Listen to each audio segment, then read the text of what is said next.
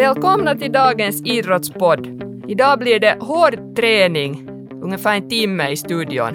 Jag är Henrika Backlund och med mig har jag Wilhelm Stenbacka på andra sidan plexin. Välkommen.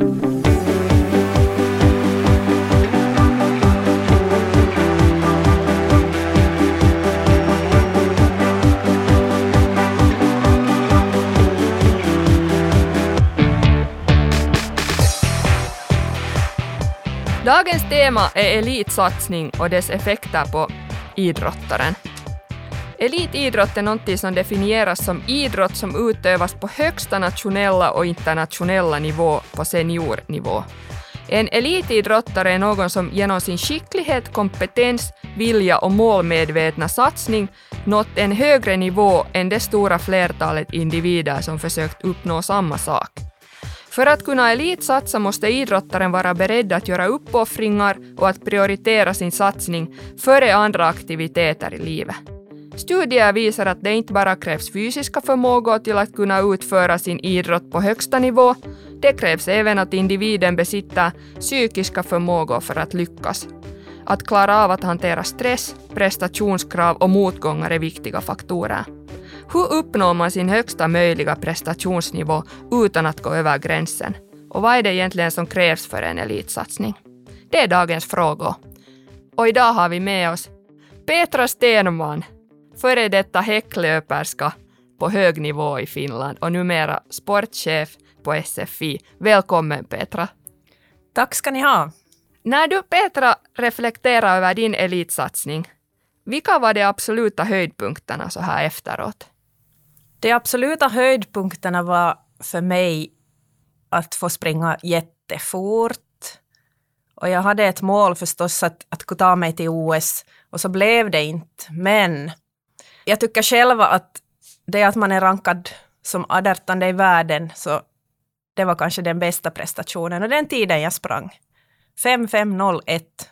Så det är retligt nära att det skulle ha blivit 54 sekunder och kanske ett finskt rekord.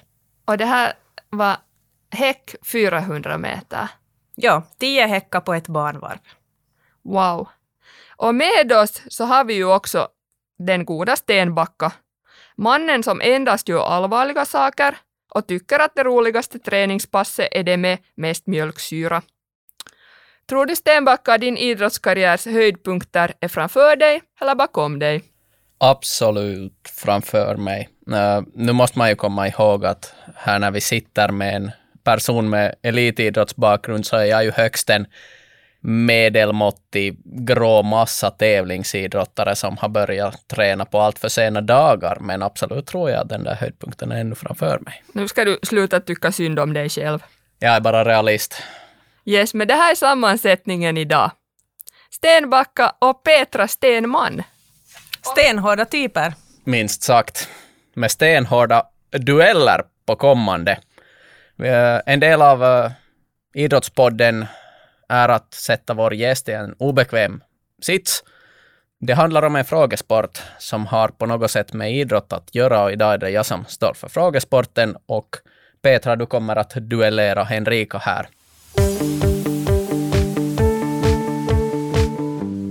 Ni ser lite så här för avslappnade ut och meningen är såklart att, att hitta den här inre glöden för tävling nu så ta, ta och visa bicepsen eller väsklorna för att uh, det är nu det avgörs det här mentala övergreppet. Bästa prestationerna kommer då när man är lite avslappnad. Det kan nog hända. Du har nog hittills i podden visat att dina bästa prestationer kanske ännu är framför dig i duellen. Vi ska se. Reglerna är då uh, att vi har fem frågor och ni kämpar om totalpoängen. Den som tar flera frågor tar hem dagens duell. Frågorna är på något sätt förknippade till idrott, lite sådär allmänbildningsmässigt och lite så här elitsatsningsmässigt också. Eh, jag ställer frågan och ni ger ett eget namn. Då får ni svarstur. Och har ni rätt får ni poäng. Har ni fel så får er motståndare svarsturen. Fråga nummer ett. Vem eller med vilket namn är Cassius Clay mera känd som? Petra. Petra. Det är ju en boxare. Muhammad Ali. Muhammad Ali är rätt. Wow. The greatest. känd för, ja, en massiv boxningskarriär, men också för att vägra fara till Vietnamkriget och ta en hård smäll på grund av det här och för att konvertera till islam. Fråga nummer två. Före Annie-Marie Korte gjorde sin häpnadsväckande comeback eh, från och med 2017, som lett till bland annat FM-rekord med 1272. Vad var Cortes personliga rekord på 100 meter häck före hon avslutade sin, inom situationstecken, första karriär året 2012? Alltså vad var hennes personbästa då före hon slutade? Henrika.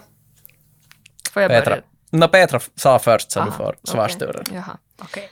Jag var lite snabb. Jag har faktiskt ingen aning, men det här, jag har nog läst det någonstans. Jag, jag gissar nu att skulle det ha varit 1385. Det är inte tillräckligt nära. Det räcker att du avrundar till närmaste tiondel och det här var lite fel. Så Henrik Okej. får svarstur. Jag hade tänkt svara 13.20. Det är också fel. Ni får en chans till var. Vem vågar gissa? Kunde det vara då på 14 sekunder? Jag säger 14.0. 14.0 är också fel. Jag säger 13,5. Rätt. 13.46 är korrekt svar, så du får faktiskt poäng för den här. Ställningen 1-1. Okej, jag håller oss lite på temat. Eh, vilken gren ser enligt dagsläge ut att vara för sista gången på programmet i OS Petra? 2020, ursäkta, 2021 i Tokyo? Petra, 50 kilometer gång. det är absolut rätt. Och Wow. mera specifikt herrarnas 50 Jo. kilometer gång i och med att kvinnornas 50 ko- kilometer, det har varit på VM-programmet men det har aldrig accepterats till OS.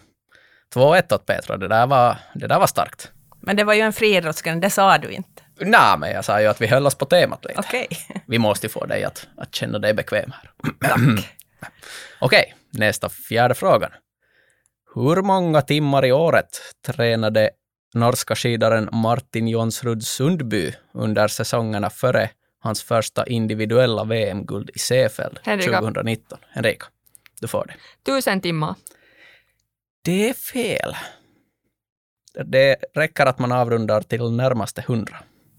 Okej, då säger jag 900. Ni är inte allt för långt ifrån här. Att, det, det är nog bara att gissa. Petra? Ja. 800. Fel. Eh, 1100. Fel. Ni får en chans till. Petra 700. Det är tyvärr också fel. Det är massor av träning. Henrika sist. No, han, han körde bara högintensiv träning och 500 timmar i året. Rätt svar är avrundat eh, 1200 timmar. Martin Sundby var känd och är känd fortfarande som en riktig träningsaddikt som faktiskt stoppade klockan varje gång han skulle ta dricka, korrigera någonting på handsken eller så vidare. Ändå 1200 timmar. Det är tufft. Det är tufft Det och skulle du inte klara Stenbacka, tror jag. jag skulle absolut inte klara det. Jag går ju mot det, men jag tror inte att ja, det, det skulle kräva mycket satsning för att jag skulle nå till 1200, så skulle man måste göra saker rätt också. Absolut. Jag inte skulle jag heller klara det, så jag ska inte dissa dig. Nej, men uh, nåja, Sundby tog, tog guldet då till slut efter många försök. Jag har en fråga till. Och ställningen är ju 2-1 nu så att, att det där ingen fick poäng just. Eh, I genomsnitt under 2019, hur många tävlingsmatcher spelade världens topp fem rankade tennisspelare under ett kalenderår? Och det här gäller herrar. Herrarnas topp fem under 2019. Hur många tävlingsmatcher i genomsnitt? Henrika, Avrundar till närmaste fem. Du får turen. 29. Det är tyvärr fel. Jag säger 35. Det är tyvärr också fel. Får ta lite mer ambitiösa drag och försöka på Petra? nytt här. 42. Petra. Ännu också fel. 52. Tyvärr ännu också fel. En chans till. Men hur många matcher kan man spela? Tänk Måste på tennisen. Tänk på återhämta sig. tennisen. 100 matcher kan man nog spela om man är hård tennisspelare. No, 100 skulle väl vara möjligt. Tyvärr så riktigt så långt kom inte de här världens topp fem. Då har de spelat 70 matcher. 71 i genomsnitt. En Yes. mycket bra Det kompromiss. visste jag. Ja. 3-1 åt Petra här med Grattis. sista, sista svaret och du tar hem dagens duell. Tack ska ni ha för ödmjukt och väldigt bra deltagande och, och, och lite sådana här bittra miner får jag här från andra sidan bordet av Henrika, men det där kan ju hända att hon får ta revansch i senare dueller. Förklaringar gör saken värre. Gratulerar för vinsten Petra. Tack för en bra match. Henrika kör oss nu till dagens djupdykning. Vi kommer idag att diskutera om en dröm som endast går i uppfyllelse för kanske en procent av alla idrottsutövare. Alltså att höra till eliten och kunna fylla sitt liv med toppidrott och just inte någonting annat. Att vara hyllad och uppskattad av folket, att klara av det som nästan ingen annan gör inom sin idrottsgren och att vara fysiskt oslagbar. Men här finns det ju en baksida. Resultaten måste hela tiden försvaras i framtiden och det blir en rundgång som kan vara väldigt destruktiv. Som elitidrottare förväntas du vara stark och tåla hur mycket smärta som helst. Du ska däremot inte känna efter, inte tänka, inte visa svaghet. Det här har Albin Tingsvall, en svensk före detta elithandbollsspelare, skrivit i sin bok Allt jag förlorade genom att vinna. Det krävs enormt hög motivation för att orka satsa och detta påverkar i sin tur hur elitidrottare upplever sitt välbefinnande. Faktum är att det finns en mängd forskning som visar att överträningssyndrom och ätstörningar är överrepresenterade bland just elitidrottare. Vi börjar med att gå igenom vad egentligen en elitsatsning är för någonting. Kan du svara Petra på vad en elitsatsning i idrott kräver? Det kräver att eh, du ägnar det mesta av din tid till att bli bättre på just din gren, den som du har valt. Och vanligtvis, du kan ju vara i olika åldrar förstås, men vanligtvis därefter gymnasieåldern så hamnar du och börjar satsa på din gren och eh, göra de här första valen. Att, att satsar du, när kompisarna kanske då fara studerar och så här, så, så hamnar du och lägger mest av din tid på den här träningen och, och på återhämtning och sådana saker. Och när du kommer så långt att, att du börjar ta det till stora mästerskap, så då kräver det nästan all din tid.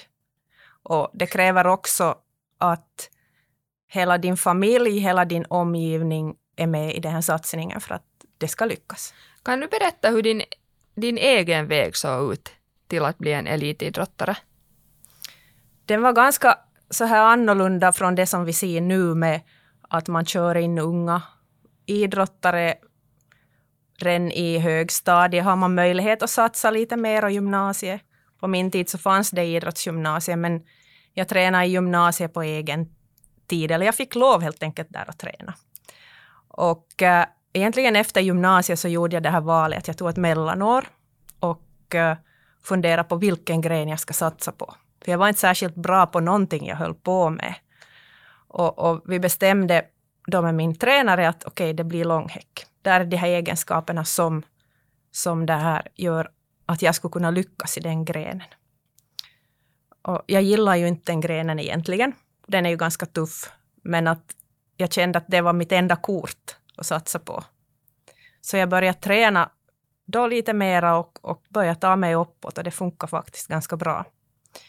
Och jag fick vara skadefri och, och byggde upp ett gäng runt mig med bra service och, och sånt. Och, uh, nästan sex år fick jag idrotta då som, som toppidrottare. Att jag sökte mig och studera till sådana ställen där det var lättare att, att idrotta. Att jag gjorde, de flesta valen gjorde jag för, för idrotten då, så att säga.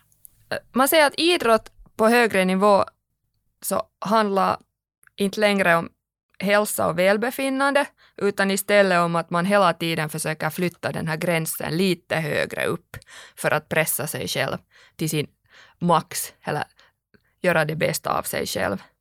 Hur ofta gick du över den här gränsen? Säkert många gånger. Uh, när man är yngre så går det att gå över gränsen flera gånger och man kommer ganska snabbt tillbaks. Sen när man blir äldre så, så det här um, så är det svårare att ta sig tillbaks. Men jag skulle säga som så att egentligen är det många gånger så är det faktiskt så att det är inte träningen som gör att du går över, utan det är andra faktorer i ditt liv som gör att du inte återhämtar dig. Man blir sån här underåterhämtad, så att säga. Man får till den kataboliska sidan. Och, och, det kan vara att man har något problem, problem i sitt liv, sociala kontakterna eller familjelivet eller vad som helst, ekonomiska problem, som gör att du sover dåligt. Du kommer in i, i någon sån här ond cirkel på grund av det. kanske får någon skada när inte du är utvilad. Och, och på det viset. Och då, då är det jättesvårt att ta sig ur det här om man inte får hjälp, om inte man har direkta människorna runt omkring sig. Så upplever jag det. Om man aldrig når den här gränsen så betyder det då att man, man aldrig pressar sig själv tillräckligt? No, du måste alltid pressa dig själv för att, att nå de här toppresultaten. Kan du inte pressa dig själv så kommer du aldrig att nå till toppen. Så, menar du att för att vara en toppidrottare så ska du ha gått lite över den här gränsen några gånger för att säkerställa var den finns? Jo, så att säga att ta nu bara ett sånt konkret exempel att du ska springa spring långhäck som är min gren där mjölksyran går jättehögt. Så du måste tåla den där mjölksyran. Du måste varje vecka sen när du börjar förbereda dig för säsongen gå över den där gränsen vad det känns bekvämt, det känns obehagligt och, och det här, du är jättenervös för den här träningen, det tar jättemycket energi. Men du utsätter dig själv för det här obehagliga för att du vet sen att du kommer att bli bättre sen på nästa träning igen och tävlingarna kommer att bli bättre. Jag tror inte att en tävlingssituation någon gång har varit lika tung som min träning. Att tävling är sen fest.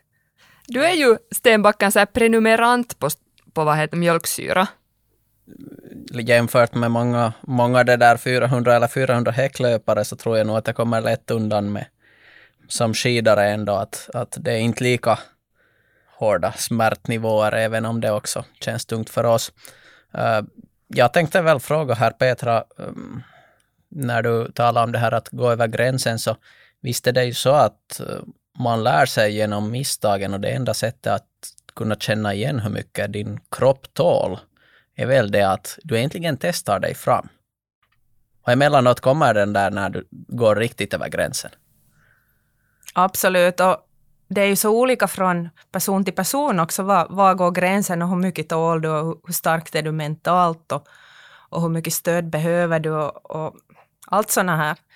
Så där, det kräver ju väldigt mycket av din tränare också och din omgivning att, att det här leda dig över gränsen och ta dig tillbaka sen. Att, att man går hela tiden där på, på kanten och balanserar. Och som tränare så måste du ha koll på den här kanten. Det är väldigt intressant just det här när vi i princip i dagsläget har en massa instrument för att mäta att är du återhämtad, är du utvilad jämfört med till exempel säkert under din tid eller en generation ännu före, före din tid.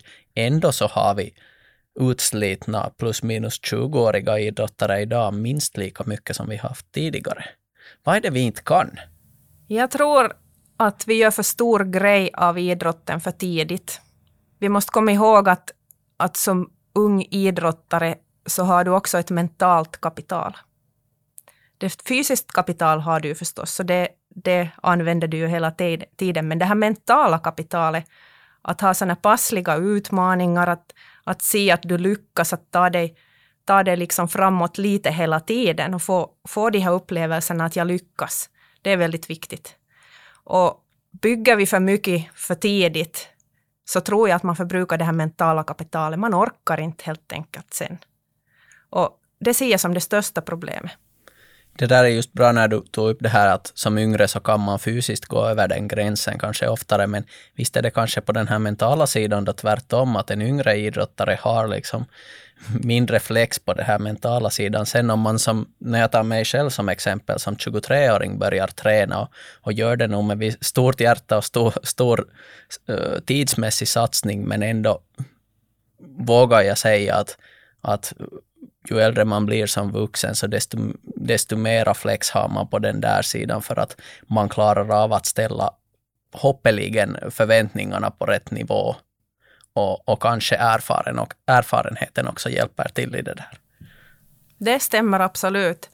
Och så fysiologiskt, om vi ser på saken, hur, hur en människa utvecklas, så runt där när man är 25 år så är man ju färdig, färdig utvecklad. Din hjärna är ungefär då färdig utvecklad. Så då kan man ju tänka sig också så här fast man inte kanske är så insatt i saken, att, att ända fram till dess så skulle det vara viktigt att, att det här också stöda idrottarna på den här stigen mentalt.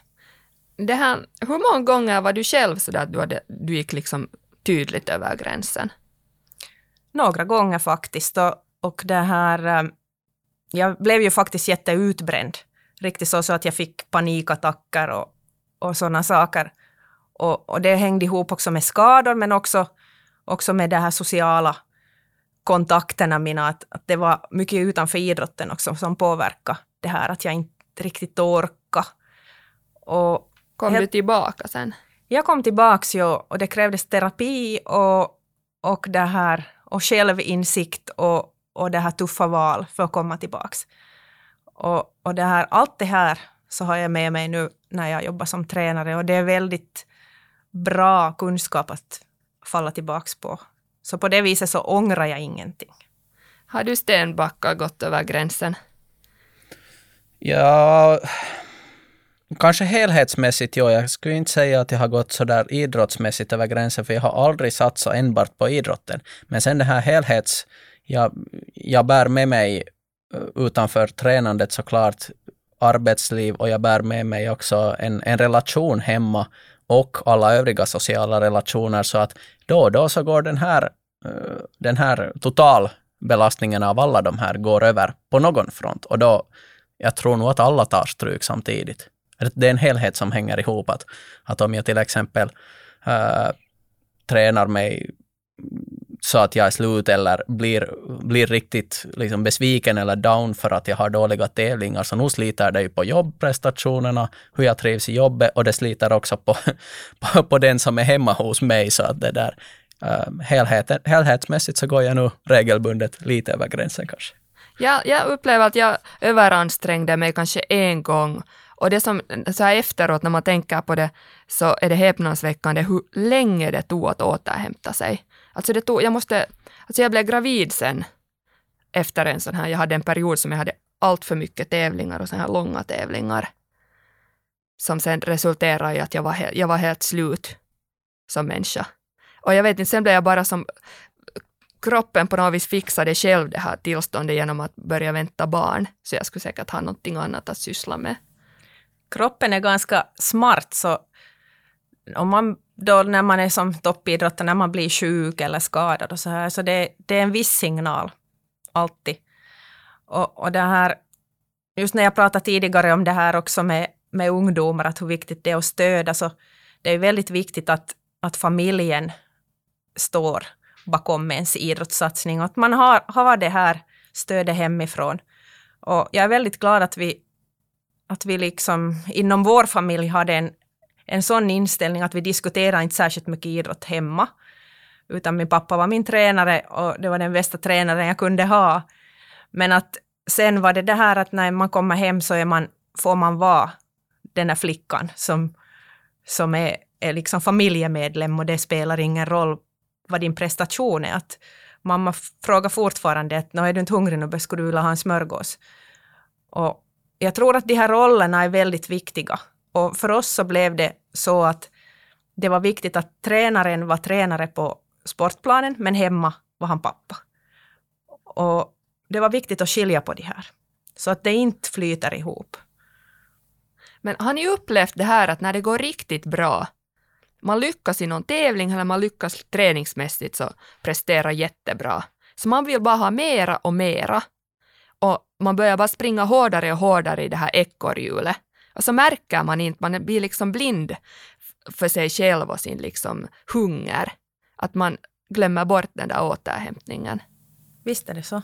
Ja, absolut, det där stämmer för att vi är ju giriga, vi, vi är hungriga och inte, inte det är någon som nöjer sig med en prestation och sen oh, I'm out, utan det är nog så att här vackra finska uttrycket med nälkä kasvaa syödessä. Hungern växer längs med att man äter. Så nu stämmer det ju. Och, och det där att kunna stoppa sig själv eller, eller liksom bromsa efter att man har öst på och faktiskt lyckats genom att ösa på. Så där, där tror jag att människan inte ensam klarar av att, att känna igen det där. Och det krävs en ja, är det sen en, en Petras pappa som förstår det eller, eller någon annan objektiv som förstår det där att, att man behöver hjälp för att stoppa sig vid rätt tidpunkt, skulle jag gissa. Absolut. Där kommer tränarens roll in väldigt starkt. Tränaren ser hela det här ekorrhjulet, men tränaren har också distans till, till den här prestationen, vilket inte idrottaren på samma sätt har. Och, och då är det farligt om tränaren får med i det här. Tränaren måste hållas lite utanför och, och hålla fast vid det som man har planerat och, och det här lugna ner och vara... Vanligtvis så är man ju mest som en broms. Så känns det. Hittar du sen något verktyg i din egen idrottskarriär för att känna igen att när man håller på att gå på fel sida av gränsen? Jo, jag, det är ganska enkelt egentligen. Sen när man inte har lust att få ut och träna, när det inte känns bra. Alltid så är det ju så emellanåt att man har vissa dagar att nu ska jag hellre liksom vila och då är det bra att vila. Men sen när det blir längre perioder att det inte är roligt längre. Så det är en varningssignal, det är den första signalen. Vad har du för varningssignal? Det där är en bra och det andra är, är nog när man märker att har man längre perioder så att man har till exempel ont i magen eller får någon huvudvärk eller något sånt här så vet man att någonting är, är, är lite ur balans. Och, äh, erfarenhet har, har nog lärt mig till exempel att är man just där ur balans, så det är alltid bättre val att vila och stoppa läge än att träna mer. Mm, det är svårt att, att göra det, men att, att det, är nog, det är ett bättre val då när man inte vet vad man ska göra. Jag, tycker, jag dras alltid med såna små infektioner som liksom kommer många efter varandra. Och då vet jag att nu är det, nu snurrar hjulet för hårt. Det är också en, men har ni märkt också, ni som sysslar med uthållighetsidrott, att, att det här att man börjar sova sämre. Man har svårt att somna kanske, eller man vaknar tidigt. Och det händer någon förändring i den här rytmen. Eller så är det så att man är trött hela tiden. Ja. Det är också en annan grej. Det brukar vara uthållighetssport. Det brukar vara lite så. Jag märker nog det där med att ha svårigheter att somna och kanske också det där att man, man blir irriterad hemma lättare. Ja. Och i vardagen. man, liksom, man blir irriterad på saker man inte borde. Mer än vanligt. Ja. Det är väl helt okej okay att ha lite känslor, men att, att det där... Eh, vi talar om att elitidrottares vardag innebär ett stort engagemang för sin idrott och att den här satsningen kräver oftast någon form av uppoffringar. Vad kände du Petra att du offrade när du var så här aktiv? Det ångrar du det? Det är ju en intressant fråga det där för att off, uppoffrar du någonting, offrar du någonting så ska du inte syssla med det. Det är mitt svar. Om det känns så. Så då håller du inte på med den rätta saken. Okej, okay, men vad prioriterar du bort i så fall? Om vi säger så. Ingenting, tycker jag. Hade du så lätt att välja idrotten? Att jag, det kändes att... Jag hade faktiskt lätt att välja det, ja. Det hade jag. För jag visste det att det är det här jag vill göra. Och, och det var inte på det viset svårt att göra de här valen. Jag, jag känner inte igen det där, men jag, jag kan förstå att, att, att den där frågan kan komma, för det är inte första gången jag har fått den. Ja, nu, nu offrar man ju, även om man inte så att säga rent elitsatsar eller kan, kan uppnå någon elitframgång, men ja, nu handlar det ju om att, att offra speciellt kvällstids sociala aktiviteter och, och offra nog en del socialt liv då när man är på länk eller, eller väljer att, att, eller konstaterar att det är viktigare att fara och träna än att fara och göra något annat. Det beror lite på också i hurdan omgivning man är.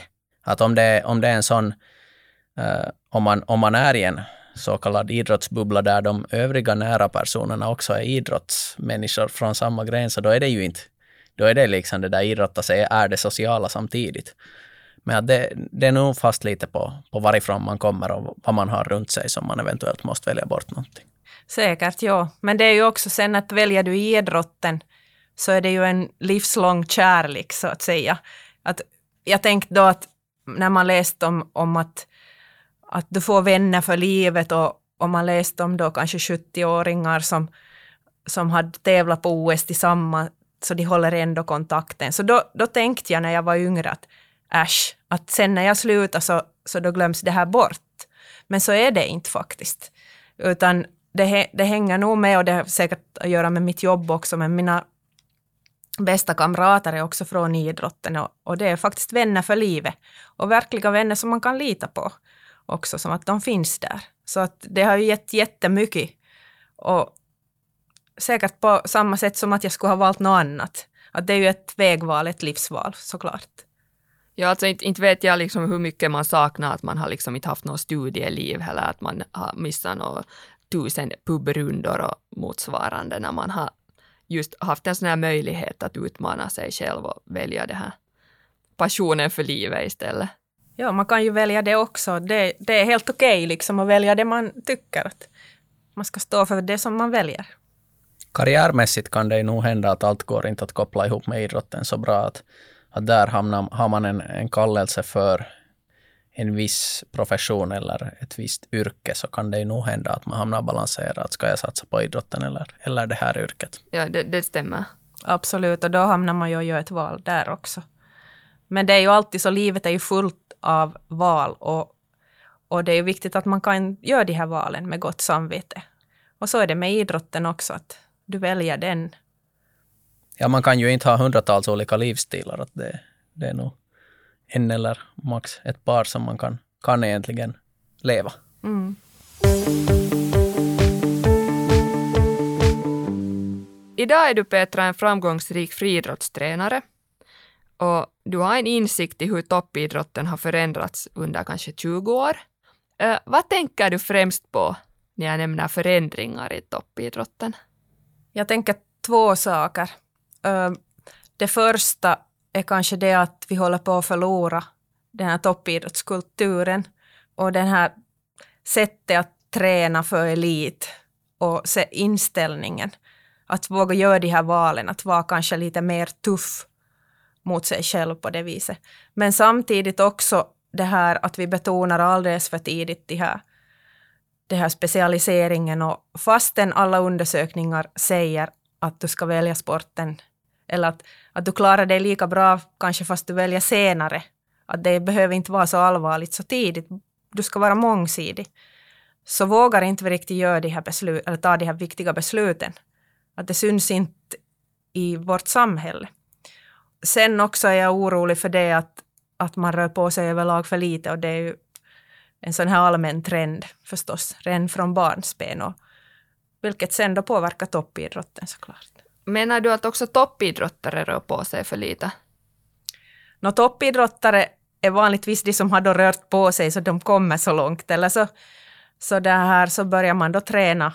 Eller man har gjort ganska så där mångsidigt lite olika. Men att, att klart att du har måste röra på dig för att ta dig någonstans. Att jag tror inte det finns att inte du har en bra, en bra fysisk kondition. Ser du Henrika någon annan förändring inom 20 år? Eller håller du med om det? Nej, jag tänker kanske på det här mentala.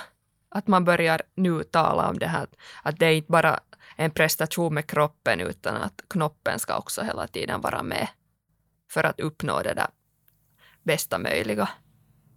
Ja, på både gott och ont. Alltså det är mycket fokus på det här att, att allt ska kännas så jättebra och det ska vara så jättekul och, och så här att att man pratar ganska lite om det här att det är bra att ha motgångar också för att kunna ta sig vidare och, och att hur man tacklar motgångar.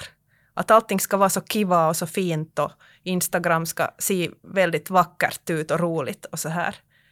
Och, och jag är lite allergisk mot det där tankesättet. Man betonar så mycket den här individens egen lycka på något vis.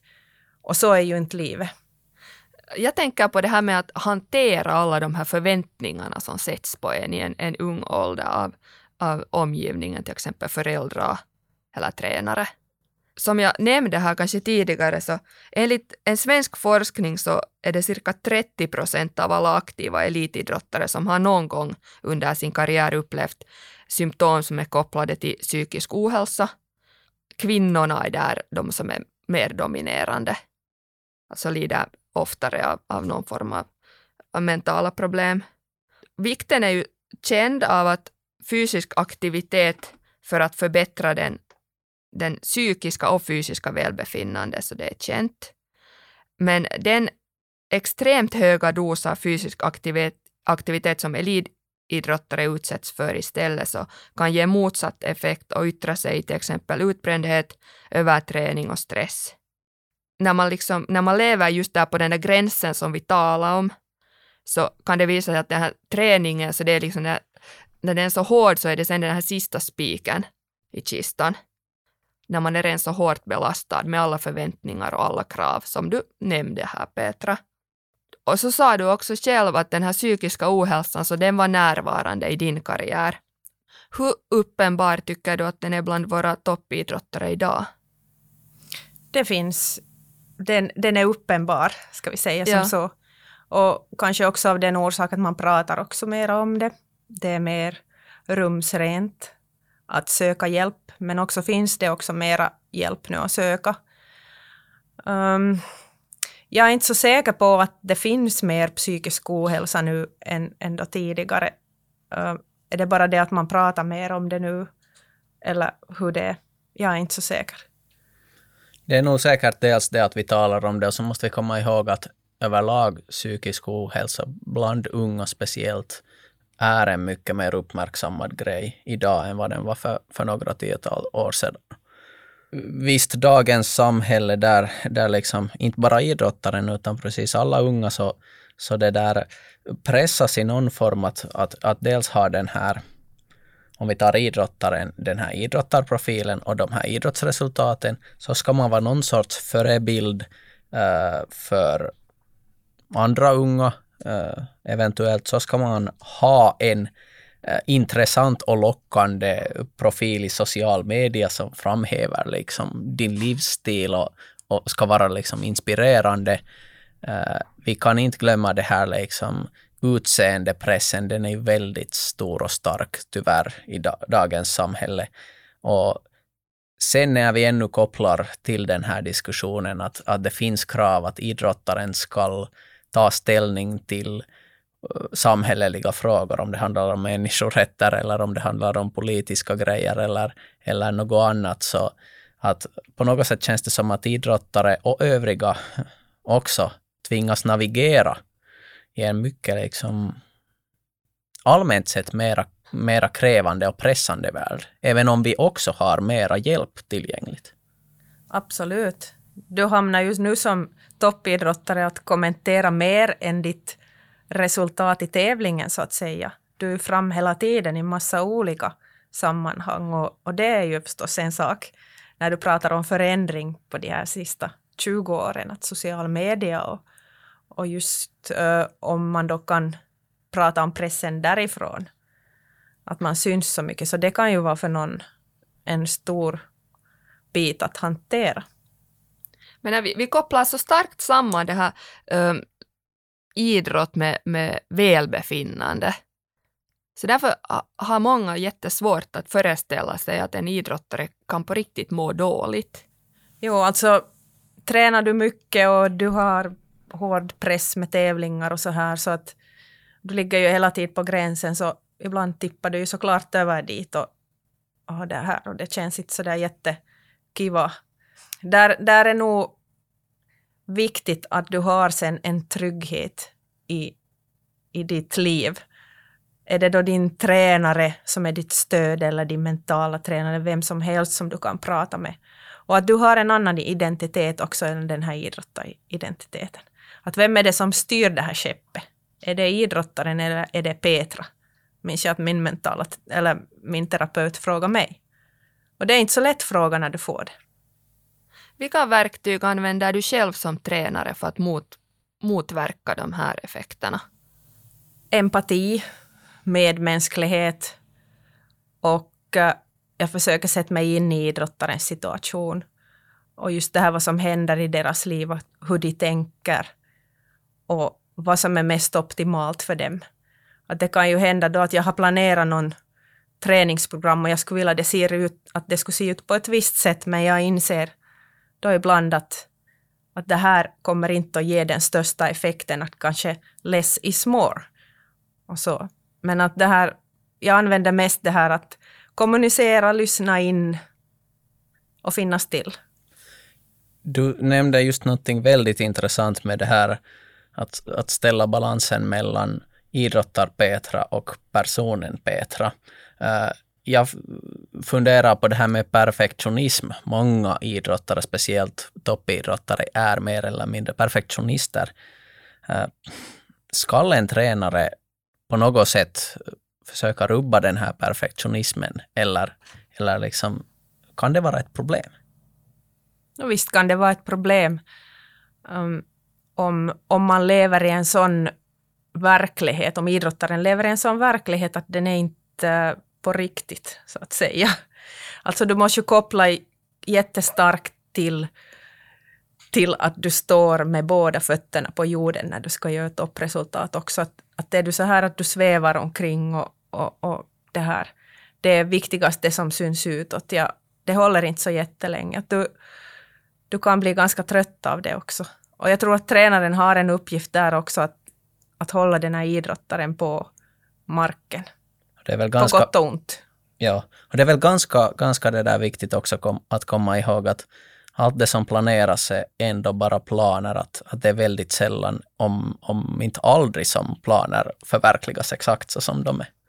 Det viktigaste planerade. som jag kommer ihåg som en tränare har sagt till mig, så det är nog det att, att du är ingen maskin, Henrika. Att komma ihåg det. Jo, och min tränare brukar säga att när vi kommer in på sportplan så tar bråttom slut. Och det är ganska bra också. Tiden står still där.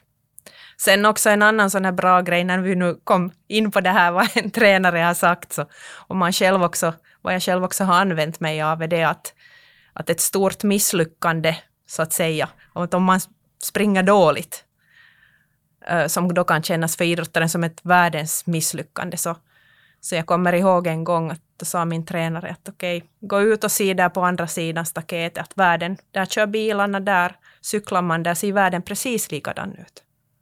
Inget har förändrats, fast allt har förändrats som ja. man känner. Och sen det här klassiska att det krävs tio misslyckanden för att lyckas en en gång. Men jag, jag tycker det tog jättelänge för mig att, att koppla loss det här, att vad jag gör som idrottare och, och mitt liksom värde som människa.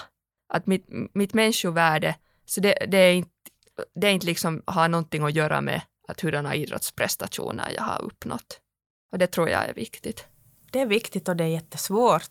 Men det har ju att göra med din utveckling som, när du utvecklas som människa och person och, och så här. Och det tar ju tid. Så det är därför bra att ha människor omkring som förstår det här. Det här. Nu har vi diskuterat den här mentala sidan en tid. Om vi övergår till det här fysiologiska, vilka effekter toppidrotten kan resultera i på vår kropp. Vad har du för men, Petra? no, jag har en, en där ryggskada som jag fick då som alltid emellanåt gör sig påmind, så att säga. Men att jag, överlag så kom jag väl ganska lätt undan. Att jag har inte några sådana överbelastade knän eller lösa vrister som man kan ha när man är kastare. Eller, eller det här slitna höfter, kanske som man kan ha om man har sprungit mycket långsträckor. Ja. Men du har nog några sådana operationsärr i alla fall på benen. Ja. Men det hör väl till till en friidrottare? No, det är väl ganska normalt skulle det ju inte få vara, men jo, ja, jag har några ärr. Hur på vis syns det på dig Stenbacka att du har idrottat? Jag talar nu inte om någon bicepsstorlek. Nej, för att den har nog knappast blivit större när man är uthållighetsidrottare. Det här, alltså jag tycker att när man själv idrottar så man har hela tiden några små slitagemärken på kroppen. Kanske det har med, med löpning och skidning och i viss mån orientering att göra. Uh, jag tror nog det, det, är stor skillnad på grenar. Att, att det där, vi kanske, Henrika, kommer ganska lätt undan, eh, förutom nu kanske löparknä och sådär. där. men sen vissa kontaktgrenar så har ju ganska, i vissa fall kan ha allvarliga följder fysiologiskt och så kan vi inte glömma hockeyspelarna med, med det här som har fått smällar i, i skallen och, och de problem som, som det har skapat. Att tyvärr så tror jag nog att ju mera elit vi går till så desto mera finns det sånt som bär idrottare bär med sig hela livet ut. Fysiologiskt i alla fall. Jag har sådana massa sån här skönhetsmen, men att det stör nu inte mig som tur så mycket. Men jag har så här två bollar ovanför mina ögon, så här påsar, som har kommit från simglasögon och deras hårda Ah. kanter. Så att min mamma tyckte att jag skulle gå på en skönhetsoperation till exempel. Mm. Men att det skiter jag i. Sen här mina ben är helt jättefula för jag har så mycket ärr av när jag har fallit med mountainbikecykeln så mycket och, och i orientering också. Och sen har jag haft problem att föda barn. Och jag tror att det är kopplat med, med vad heter det nu, för mycket idrottande. Ja, där kan jag kompa dig. Ja, Mm. att som tur så lever man i Finland, tänkte jag, för annars skulle jag och, och mina barn ha dött. Mycket bra så, ja. Det här är inget jag kan med personlig erfarenhet tyvärr kompa i, men eh, nu bara som lekmannauppfattning så, så lär det nog vara så att en, en idrottarkropp med de hormonella förändringarna, också fysiologiska och anatomiska uppbyg- uppbyggnaden, så det är svårare. Och det här är någonting som det inte alls talas om. Utan på rådgivningen så sägs det bara att jo, det är vet du, sån maratonlopp det där att föda, att det går lätt för dig och jag avoimin mielin synnyttämään bara, att bra går det. Men att jag har då lite annan erfarenhet. Absolut, och när vi kom in på det här med hormoner, vilket är ett, ett annat favoritämne för mig, så där, och kvinnor, så, så måste vi också förstå det att, att vad det finns för ansvar med att pressa, pressa unga, unga damer till topprestationer också. Och, och det här att, att verkligen vara införstådd med det som man gör, för det kan ju faktiskt vara så att man inte aldrig då kommer in i den här fasen att man får de här kvinnliga hormonerna så man kan, kan bli gravid ens. Att det tar en stund sen, att man har tränat så pass hårt. Och det här pratas alldeles för lite om. Mm. Att det här har också att göra med, att, med hur mycket du äter förstås och, hur bra din kropp mår. Jag tror där går gränsen för mig. Där kan inte jag vara med längre och stödja en sån satsning som, som det här kräver. Det här. Fast jag vet att det finns de tränare som tycker att det är en naturlig del av den här elitsatsningen. Men, men där går min gräns. Jag, jag, jag uppskattar dig Petra. Jag känner också till de här fallen som inte kan få barn. Och det, det är bara sorgligt och då undrar jag att om den här hade varit värt Jo, här på liksom det viset kan satsningen. man fråga att ha det sen varit. Ja, där, nu återigen en lekmannauppfattning, men, men om man eh, pressar sin kropp så pass mycket att den faktiskt liksom inte klarar av att producera eh, en av livets grundpelare, alltså det här med bland annat fortplantningsförmåga. Så då, då, då är det allvarligt och då är det nog liksom stora grejer på spel. Att man rubbar inte kroppen dess riktigt grundläggande egenskaper med någon liten lätt grej, utan det, då, är det, då är det nog liksom långvarigt och, och hård satsning och då, vad du säger att man måste kunna blåsa av före man går över en gräns, så det där är nog liksom moraliskt sett så kan man ju nog säga att alla de som är i ett team som måste, ja, måste kunna dra den där gränsen.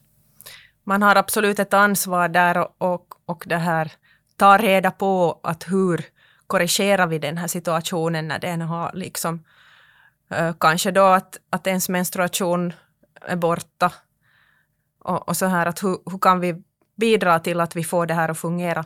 För jag tror faktiskt att, att det, det är så pass viktiga hormoner så att du också har nytta av att din kropp fungerar optimalt som idrottare. Jag kan inte tro att det kan vara det optimala att, att leva på det, eller att, att leva som idrottare i det tillståndet. Just att inte allting fungerar optimalt. Det här, enligt studier så uppger de elitidrottare som kombinerar sitt idrottande med någonting annat att de är lyckligare än idrottare som endast sysslar med sin idrott. Hittar du den här balansen? Hade du någonting annat? No, egentligen så är det där en fråga om just det här att vem styr. Att hittar du dig själv så tror jag inte det där är något problem. Då kan du hålla på med, som jag gör nu, det här trädgårdsskötsel och jag tycker att det är liksom mitt livskall vid sidan av att vara tränare eller någonting så här. Men, men det här, det, det handlar, handlar om en balansgång helt enkelt. Det behöver inte vara det att du måste ha någonting annat, utan det är att du är nöjd med dina val och du vet vem du är. Har du Stenbacka något liv? Ja, jag måste säga att för jag har nog faktiskt inte ett liv, men så när jag började fundera på den här frågan lite mera så att vi har alla ett liv och jag har format mitt liv så att det har sin träning, sitt idrottas, det har sitt jobb så att vi har ett, ett bröd på bordet och, det, och jag har en eh, relation och, och det här fyller mitt liv och det kanske för en ut, utomstående betraktare så ser det ut som att jag har inte ett liv inom situationstecken, men, men det är liksom bara, det kanske inte rör sig utanför de här kretsarna. Men det fyller vardagen och, och ger glädje och sorgeämnen, så visst, det är ett fullt liv då. Ja, du, du verkar nog vara lycklig. jag är lycklig och så är jag arg och så är jag lycklig och så är jag arg. Alltså värld, äh, livet är ju en, en berg och dalbana och, och, och det känner säkert idrottare alla igen.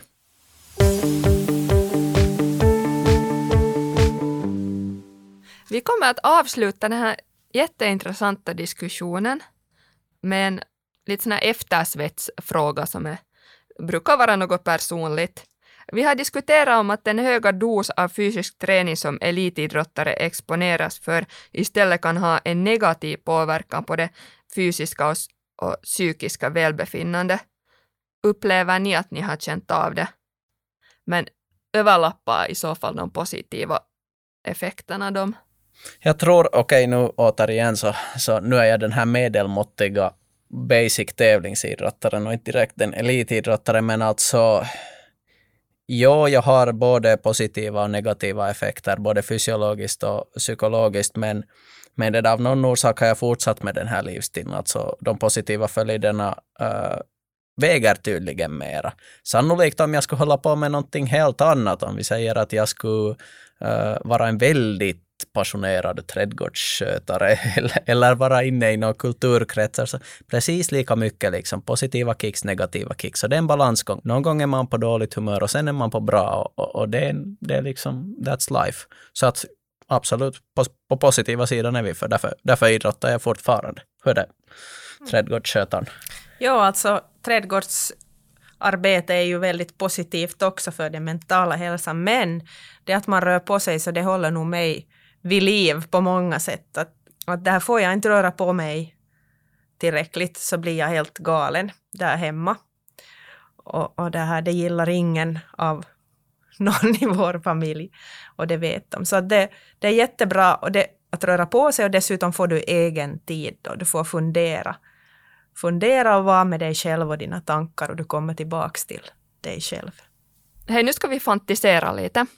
Om ni skulle få nu vara en elitidrottare idag, i vilken gren som helst, och ni skulle vara ett himmelens bra på det.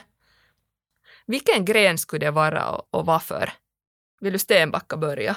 Ja, jag blev och funderade på det här. Alltså när jag var barn så skulle jag vara backhoppare. Alltså, så har jag ju såklart också tittat så mycket på uthållighetsidrott i TV att jag har velat vara toppskidare och så där. Jag funderade här att jag skulle vilja vara i en sån gren där det är en sån här eh, nära, eller ska vi säga en tät tour eller kupp längs med säsongen och att man är i en bubbla tillsammans med de övriga tävlarna och, och liksom träffar dem ofta. Så jag kom fram att antingen så skulle jag vara en skidskytte, för att det är också vad jag håller på med, det är ganska rolig sport och roligt att tävla, eller det andra att vara en stavhoppare, kunna psyka sig själv och, och liksom dra energi från publiken och sen jäkla svår gren så att oftast är man besviken, men sen liksom det där känslan att faktiskt klara det och, och, och, och det där det är någonting filis. Jag har alltid gillat stavhopp mest när jag, när jag ser på friidrotts-EM och VM och OS. Det är favoritgrenen. Petra? Jag längtar nog tillbaks till det här flow. När man glider fram på banan bara så far man över häckar där. Oj, oj, oj. Det, det skulle jag nog vilja uppleva på nytt. Men kanske om jag skulle få en andra chans så skulle jag ge skidningen en, en sån här chans, för det var nämligen så jag var helt okej okay på skida och har en, en helt suverän syreupptagningsförmåga naturligt. För när jag föddes också, eller med mig i mitt DNA, så det här, det var bara min pappa som inte ville, ville gå med på det här. Han märkte ju att jag var ganska bra på att skida, men han vägrade köpa nya bindningar, så när jag for på tävlingarna, jag hade såna breda så det bromsade ju nedförsbacken och allting och jag kämpade på det och det var ju inte så särskilt kul. Men han vägrade att, att skaffa nya skidor åt mig, för han tänkte inte, han ville inte gå in i det där. Så jag skulle väl kanske då skaffa en ny tränare och börja med skidning. Alltså tänka sig att det finns någon som är lite så här do it yourself, har med skidning att göra och, och är från Österbotten. En ganska, ganska vanlig kombination om vi hänvisar till din pappa. Hälsningar bara. Ja. Jag tänker sådär på upplevelser. Att jag, jag har tävlat liksom i tre olika grenar sådär internationellt. Och när du tävlar i någon triathlon, så det är vad du ser runt om i världen. Så det är någon sån här äh, asfaltsväg någonstans inne i någon stad, eller utkanten av en stad. Och så, så vad heter du, springer du samma sträcka eller någon sån här varv fyra gånger eller av och till något tre gånger längs med någon strand, så du ser inte så mycket. Och eh, jag tycker mest hjärndödaste var när det var en stor tävling i Tammerfors och man cyklade tolv gånger av och till på motorvägen. Vet ni, så det liksom ger ingen sån här, vet, sån här stimulans att det där, vad du ser. Sen har jag hållit på med swimrun och där ser du som skärgårdar. Och du kan se så här eh, jättefina orörda delar av skärgård någonstans. Och det får du lite sån här någon upplevelse av. Men sen när man har hållit på med sån här adventure racing, när du på riktigt rör dig flera dagar i sträck på helt orörda områden runt om i världen. Så där, därifrån har jag tagit de här liksom starkaste intrycken när man har till exempel sprungit maraton i Gobiöknen eller, eller cykla mountainbike någonstans i någon bergskedja i Europa eller eller paddla i Ladoga på ryska sidan. Det, där var det den finaste skärgård jag någonsin har sett. Så skulle jag få hålla på med elitidrott så skulle jag nog vara en sån här adventure racer på full tid, men att det är som helt omöjligt att försörja sig på det och det skulle inte vara möjligt. Men det här att resa runt och bara se världens finaste platser i form av idrott, det skulle, det skulle vara något. Ska vi Henrika tro på en sån här Eurojackpot och, och, och lägga några vad här och, och sen bli elitsatsande idrottare, se vart vingarna bär. Ja, men det är bara det att när de har blivit lite äldre och när man har barn så har man också sån här självbevarelsedrift, att man vågar inte fara mera till såna här jättefarliga ställen och klättra ner för något stup och, och cykla just upp för något höga berg. Farliga ormar och spindlar och såna grejer. Ja. Ja, men det var, det var min sån här dröm. Nu börjar vi nästan drömma om nästa avsnitt, Stenbacka. Vad skulle det kunna vara? I nästa avsnitt så kommer vi att ha inspirerande besök av Sara Norgran som kanske är mest känd som orienterare men också har lite löpargener i sig. Vi kommer att diskutera könsfördelning i tävlingsidrott, någonting som egentligen under organiserade idrottens tid alltid har funnits. Vi kommer att ställa frågan att kommer det alltid att finnas en sån här strukturell könsfördelning. Det handlar om att indela tävlingsklasser i pojkar och flickor, herrar och damer. Det handlar om att diskutera moral, juridik, biologi och kultur kring den här indelningen. Så kommer vi också att göra ett ytterst intressant djupdykning i fallet Kaster Semenya som är kanske ett, ett det där ja, omöjligt men väldigt intressant case när det gäller uh, könsuppfattning i idrott. Det här på kommande nästa veckas onsdag. Ta och lyssna då, det är huippu-avsnitt. Du kan kontakta oss eller ställa frågor på idrottspodden idrott.fi så kan du också kolla upp finlandssvenska idrott på Facebook eller på Instagram idrott.fi. Tack för dagens avsnitt. Tack Petra Stenman för ditt besök här. Och tack, och tack för att ni lyssnade. Hörs nästa vecka. Rör på er, sköt om er, ha det bra. Hej då. Hej då.